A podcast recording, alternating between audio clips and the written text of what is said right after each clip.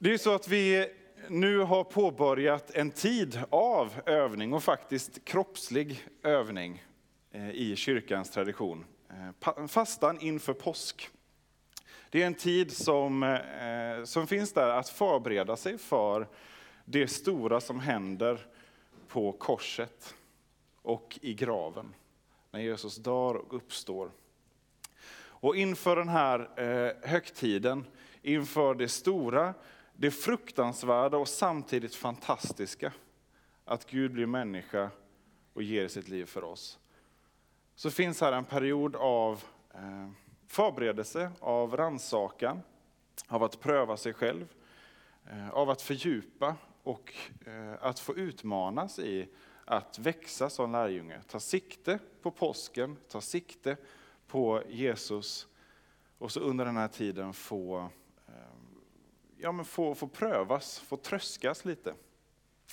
Eh, och det görs genom fasta. Eh, genom historien har det gjorts på olika sätt. Eh, det finns de som kör ingen mat från nu fram till påsk. Lite buljong ibland bara.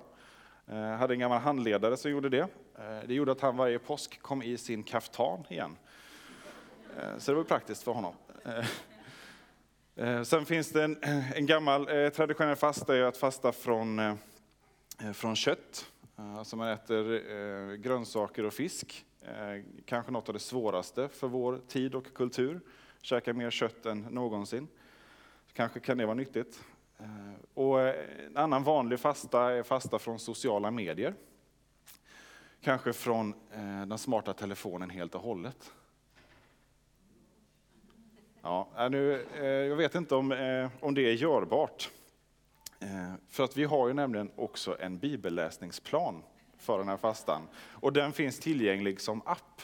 Så man kan ju slänga då Facebook-appen eh, från telefonen och installera den här appen istället. Bibelstund heter den, se om vi kan få upp eh, hur den ser ut också. Så här ser det ut. Bibelstund.se kan man gå in och läsa eh, på om den och så finns den att ladda ner både i Apples och Googles eh, appaffärer. Gratis. Och eh, där finns en bibelläsningsplan som tar sin början imorgon. Och är det nu så att man vill fasta helt och hållet från telefonen så finns den också i fysisk form ute i eh, foajén.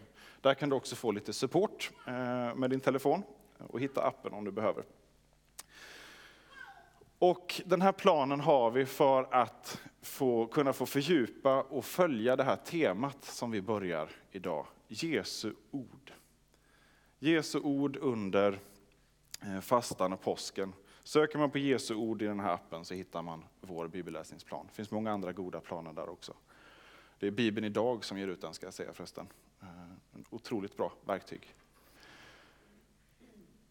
Men den här temaserien, Jesu ord, Eh, vi har en temaserie bakom oss där vi har haft böckernas bok, Bibeln. Vi har flugit högt över och tittat på, på Guds ord som helhet och fått se de olika typer av berättelser, de olika sätt som Gud visar sig i sin, eh, eh i sin uppenbarelse i skriften. Nu så får vi djupdyka ner, smalna av ordentligt, komma till verkligen till en kärna i, i skriften, Jesu egna ord i bergspredikan. Det är bara några kapitel i eh, Matteus evangeliet i Nya Testamentet. Där ska vi få uppehålla oss nu, eh, precis lika länge som vi har uppehållit oss vid Bibelns helhet. Bergspredikan är, skulle man kunna säga, så nära en eh, en Jesus lilla katekes man kan komma. Du vet, Martin Luther han skrev katekes, en sammanfattning och förklaring av tron. Eh, bergspredikan skulle man kanske kunna säga är någonting eh, sånt. När det står att, att Jesus satte sig ner för att undervisa eh, så är språket sånt att det, det antyder att det här är någonting som han brukade undervisa. Det var som inte ett tal och så var det en chans att höra det. Och sen eftersom EFS-kyrkan.tv inte fanns så var det kört. Nej, utan det här var någonting som Jesus brukade undervisa. Och det återkommer när vi läser om det i Lukas. Ja, då är det inte bergspredikan utan då är det slättpredikan. Då, då är det lite plattare där. Eh, budskapet är inte platt däremot. Utan det är precis lika saftigt. Men det är lite annorlunda. Det är lite annan ordning, lite olika teman som kommer upp. Så Jesus hade alltså en undervisning som var så att säga, en, en, en programförklaring både om vem han är och om vad livet som hans efterföljare, som hans lärjunge innebär. Någonting att både längta efter och sträva efter, men också någonting att pröva sig själv mot, att ransaka sig mot, som en, en biktspegel. Eh, när jag ser mitt liv i ljuset av Jesu undervisning här, hur ser det ut om jag är ärlig? Och så får det också leda oss till omvändelse. Så det här ska vi få, få dyka ner i under söndagarna här eh, fram till påsk och också en bit in i, i påsktiden. Eh, Jesu ord, eh, framförallt i bergspredikan men också på andra ställen. Under veckan så läser vi bergspredikan. Följer man planen så kommer man ha läst igenom hela bergspredikan, inte missat någonting. Det gör man de första dagarna i veckan, läser man det temat som, som vi har. Och sen Eh, sista delen av veckan så är det andra bibeltexter som relaterar till eh, det här temat som får fördjupa och förstärka det som, som Jesus talar om. Eh, så det kan få vara en, en övning och en utmaning för oss den här fastan, att få, få djupdyka i det här tillsammans, men också på kammaren med den här planen. Och idag så är Jesu ord om salighet temat. Och det är så Jesus under, eh, um, inleder den här undervisningen. Han inleder med saligprisningarna, brukar man kalla det här. Jesu ord om salighet. Jag vet inte om det är ett ord du använder mycket eh, till vardags. Salighet. Eh, saliga visshet sjunger man kanske till vardags. Eh, till söndags sjunger vi den i alla fall. Det är ett ord som är ett sånt här eh, klassiskt kyrkord väldigt kyrkigt ord. Används inte jätteofta utanför kyrkliga sammanhang. Eh, och är notoriskt svårt att översätta när det står då på grekiska och hebreiska. Vi har då salighet, och jag vet inte om det är så mycket bättre, för då måste man översätta det till vår tidsspråk. Eh, läser man på engelska så, eh, så är det blessed, eh, alltså välsignad, som används oftast. Det finns också för, översättningar på svenska, lycklig, kring salig, den som är salig är lycklig eller välsignad. Och det, är, det är ett ord som, som rymmer båda de här aspekterna. Eh, det rymmer också, alltså används också om att vara utvald, eh, eller antyder att vara utvald, att, eh, att vara räddad och frälst. Och det är så vi har kanske använt det i kyrkans historia också, salig i åminnelse och min salig fader och sådär, då är det min pappa som har gått bort och som nu finns hos Herren. Så man räknar liksom saligheten, det är någonting som har med tillhörigheten till Gud att göra. Eh, att vara fullständigt fri. Det är alltså mycket djupare än när vi använder lycklig till vardags, även om, om salig har den betydelsen. Ett gammalt ord för, eh, för lycka. Sälj den som, salig den som lycklig den som. Eh, men då ska vi inte tänka att det är den här känslomässiga lyckan som kommer av att man får dagens första kopp kaffe. Det går liksom mycket djupare än kaffe det här.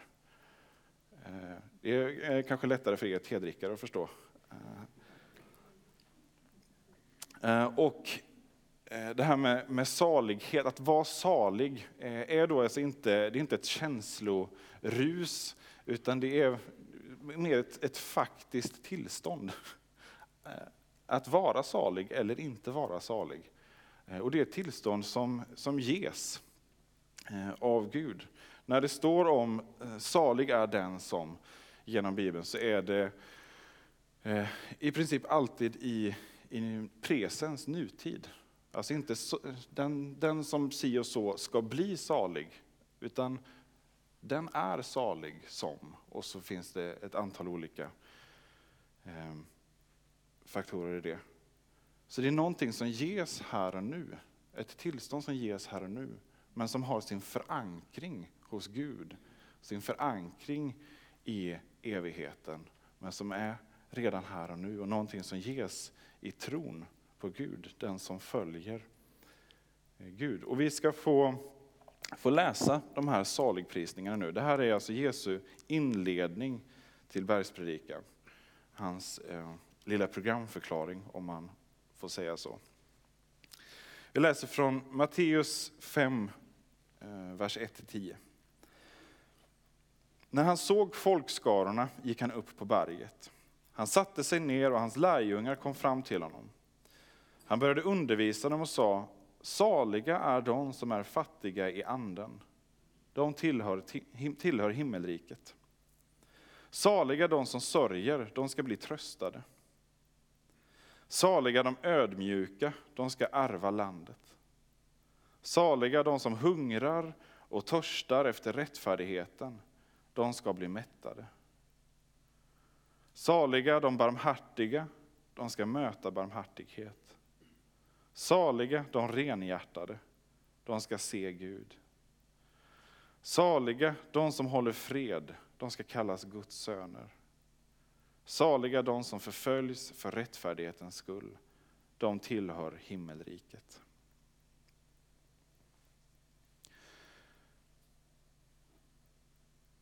Det här är, är inledningen till den undervisning som, som Jesus brukade ha för sina lärjungar och för de som lyssnade på honom. Vem är salig? Vem, vem har den här djupa lyckan, den här djupa eh, glädjen eller välsignelsen som är förankrad i himlen? Och så är det ett antal eh, personer eller eh, grupper eller situationer kanske som, som Jesus målar upp här. Vi var i eh, Israel i höstas, arbetslaget här tillsammans med eh, de anställda i EFS i, i Sydsverige.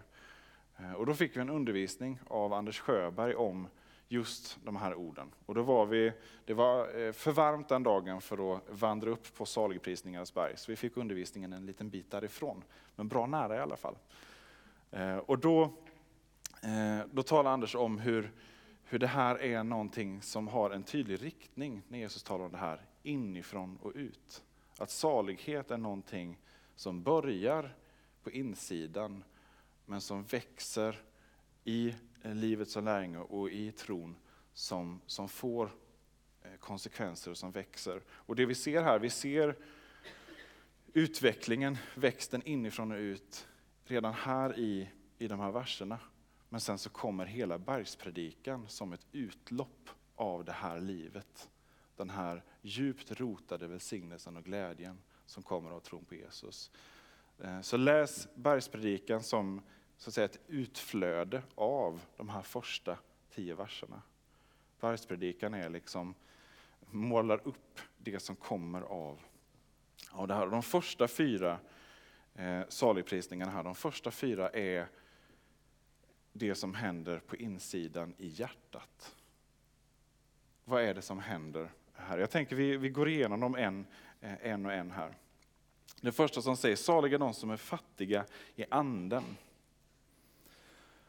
Fattig, när Bibeln talar om fattig så är det eh, inte som vi tänker kanske eh, alltid i, i, vår kultur att ah, nu, eh, nu får jag kanske dra ner lite på 48 kronors latten och så där, utan här handlar det om att vara utblottad, eh, utarmad. att vara fattig i anden, alltså på, på ett andligt plan. Min andliga kvalitet är urusel. Jag är utblottad. Den insikten gör mig helt och hållet beroende av Gud. Bara om jag inser att jag i mig själv saknar all möjlighet att nå upp till Guds standard, ja, då kan jag också stanna upp och överlämna mitt liv i hans händer och få ta emot tron som en gåva och inte som en prestation från mig själv. Då kan himmelriket få tillhöra.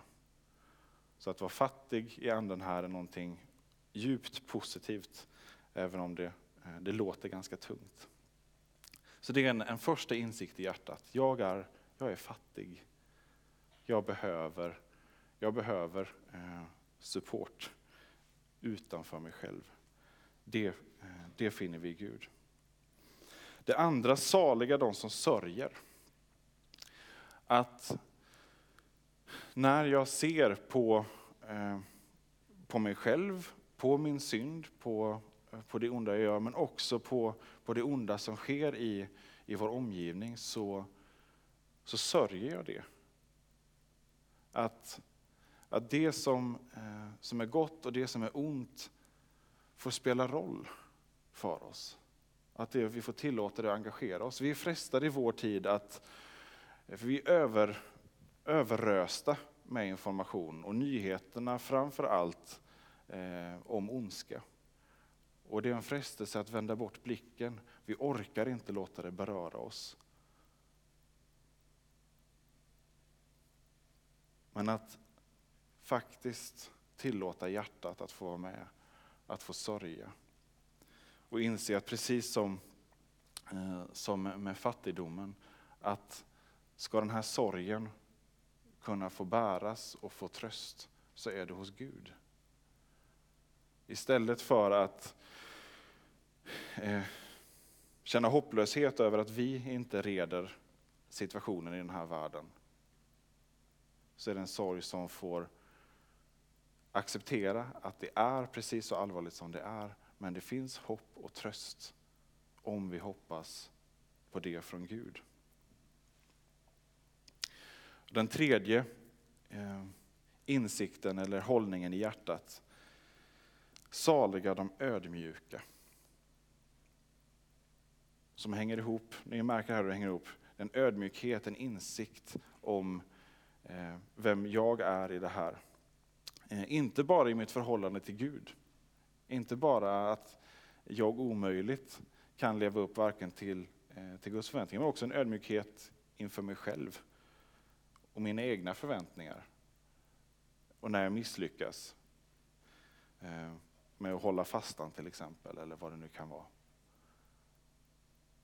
En ödmjukhet som inte förvånas över det och som inte heller blir totalt uppgiven och utslagen. Utan en insikt om att, ja, jag är jag och så långt räcker det. Och en ödmjukhet som också då får spilla över på min omgivning. Att jag också är ödmjuk inför de människor jag möter och ser, eh, ser vad de är. Vilka de är, för dem de är. Att förvänta mig det jag kan förvänta mig, men inte heller mer. Och blir jag besviken, att då få ta det till Gud. De ödmjuka, de ska ärva landet. Därför att de som, som hade landet, jorden på, i Israel på Jesu tid och de som äger så att säga, resurserna idag är kanske inte så mycket ödmjukhet som ligger bakom vår världs sätt att, att vara ledare. Men här är ett löfte från Gud att de som är ödmjuka, de ska få ärva landet. Det är de som riket och den här jorden faktiskt tillhör. Inte de maktfullkomliga naturliga ledarna.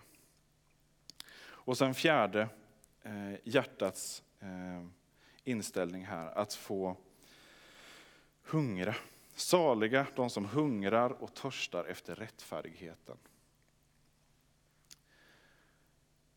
Att när, när vi ser att saker inte står rätt till, eh, när vi i ödmjukhet konstaterar både mina egna och andras tillkortakommande, när vi har sorg över min synd, över den här världens tillstånd, när jag har insikt om att jag är fattig i anden, att jag då också får hungra efter rättfärdigheten. Inte bara konstatera och stanna upp och bli likgiltig. Åh, vad det är en frestelse för vår tid, likgiltigheten. Att, att bara göra något annat, låta tiden gå, distraheras av någonting så jag slipper tänka och, eh, och känna. Att få hungra efter rättfärdigheten, det som är rätt.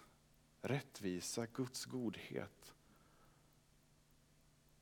Att låta mitt hjärta få, få vändas mot Gud och längta efter det, hungra efter det som är från Gud. Hungra efter det som är rätt och sant. Få ett rättspatos. Så att vi faktiskt kan övervinna likgiltigheten som, som hotar att ta över hela västvärlden. Där i hjärtat börjar de här eh, insikterna eller inställningarna.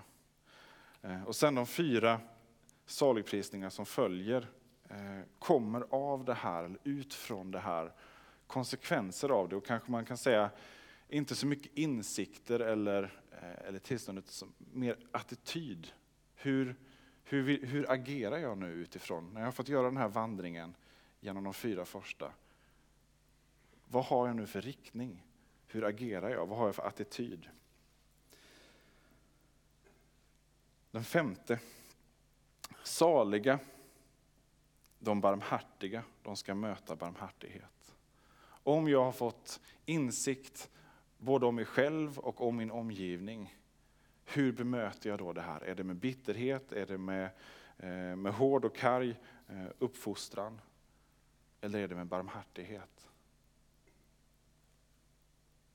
Att inte bara stå vid sidan och konstatera, ja det här var, det här var sorgligt. Eh, att det gick så här.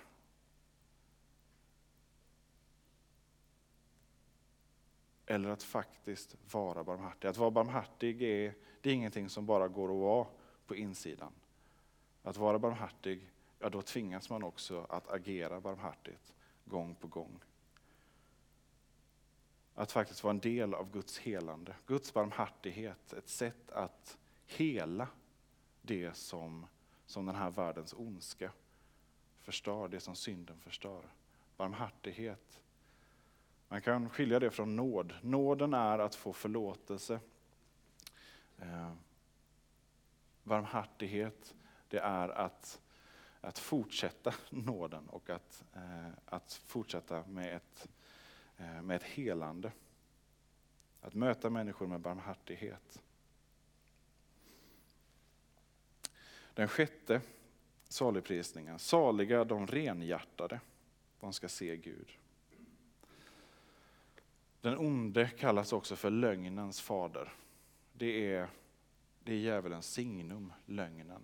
Guds signum är sanningen. Jesus säger, jag är vägen, sanningen och livet.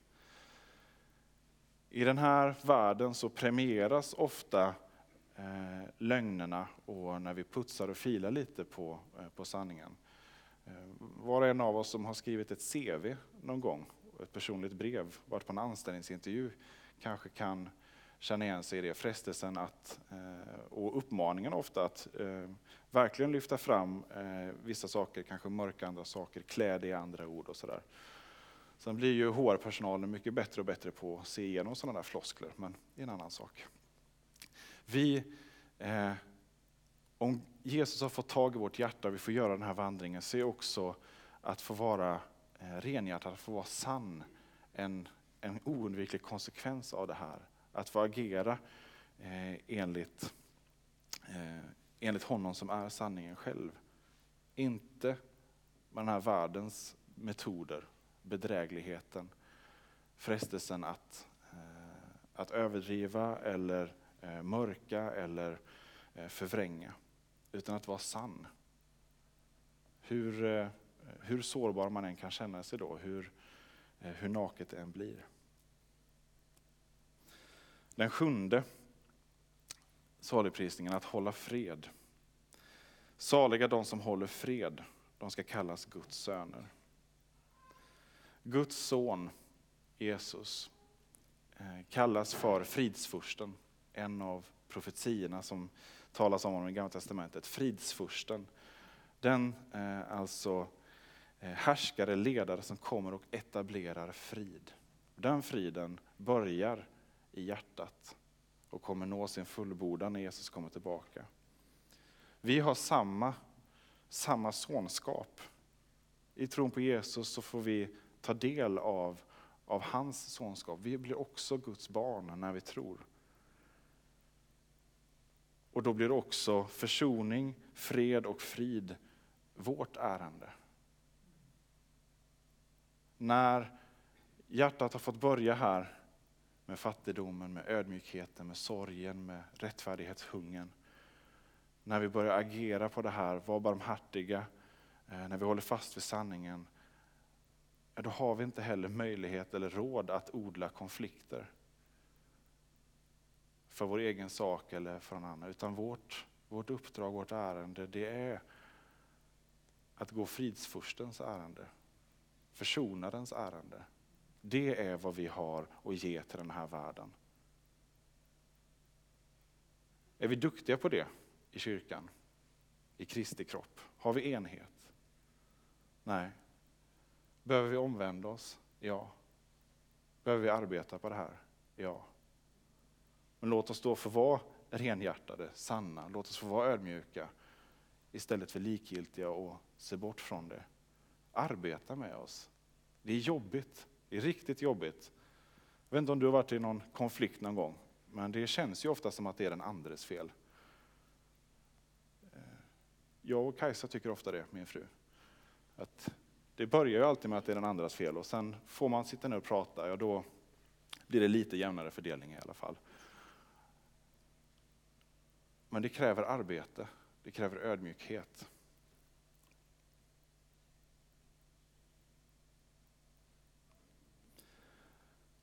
Och så den sista saligprisningen.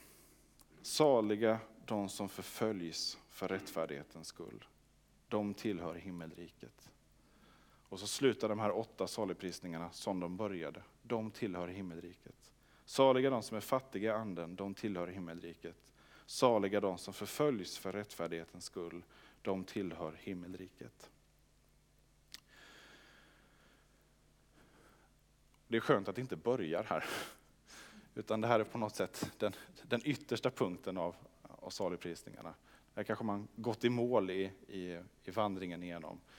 Nej, men att vara beredd på att låter jag det här få fäste i mitt hjärta, låter jag det här få eh, också styra min attityd, mitt agerande utåt.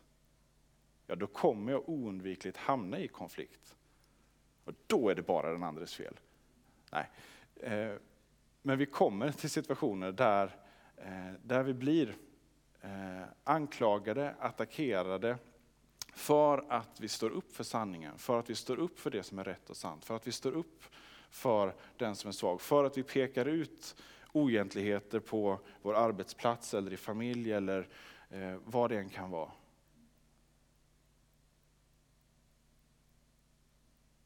Där vi behöver utstå det. Och lita på att ett liv med Jesus har inte löfte om sig att vara ett liv i lycka, om man tänker sådär lyckoruset och fritt från bekymmer. Utan faktiskt tvärtom. Det här är inte enda stället det står om förföljelse, utan det är ett löfte om att när vi vandrar med Jesus, när vi låter hans ord få genomslag i våra liv fullt ut, ja då kommer det sticka i ögonen på folk. Vi kommer avslöja lögner, vi kommer avslöja eh, den här världen. Och då slår det tillbaka. Men vi har också löfte om att vi ska få vara uthålliga i det här. Att vi aldrig är ensamma i det.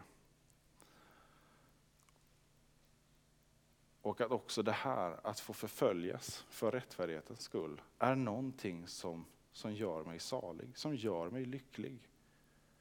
Läser vi om den förföljda kyrkan idag, runt om i världen. 200 miljoner kristna räknar man med förföljs för sin tro idag i olika grad. Det är eh, fruktansvärt. De ber om vår, eh, vår förbön. Och samtidigt så, så får vi möta vittnesbörd efter vittnesbörd om hur man upplever Guds glädje mitt i det här. Guds välsignelse mitt i det här. Och i kyrkans historia så talar man om martyrerna, de som får lida för sin tros skull, som evangeliets utsäde. Alltså det som ger växtkraft åt kyrkan. När vi följer Jesus ända igenom. När vi får likna Jesus, inte bara i vår attityd, eh, våra vardagsval, utan faktiskt få likna honom ända in i hans lidande och hans död. Någonting som känns avlägset i vår trygghetsknarkande kultur. Men som är en realitet världen över. Och här sätts tron på sin spets också. För de här anspråken gör Jesus, det här håller att leva på. Och den här tron håller att dö på. Salig de som förföljs för rättfärdighetens skull, de tillhör himmelriket. Genom det här så får vi en, en växt, ett kristet liv, lärjungaskap, vandringen inifrån och ut och så får vi fortsätta också eh, med bergspredikan, med lydnaden i, i det som kommer där. Ehm, att ta fasta på tron, ta fasta på Jesu ord. Följ honom, förvandlas av honom och se honom också förvandla de människor som vi möter, som vi låter saligheten få, få spilla över på.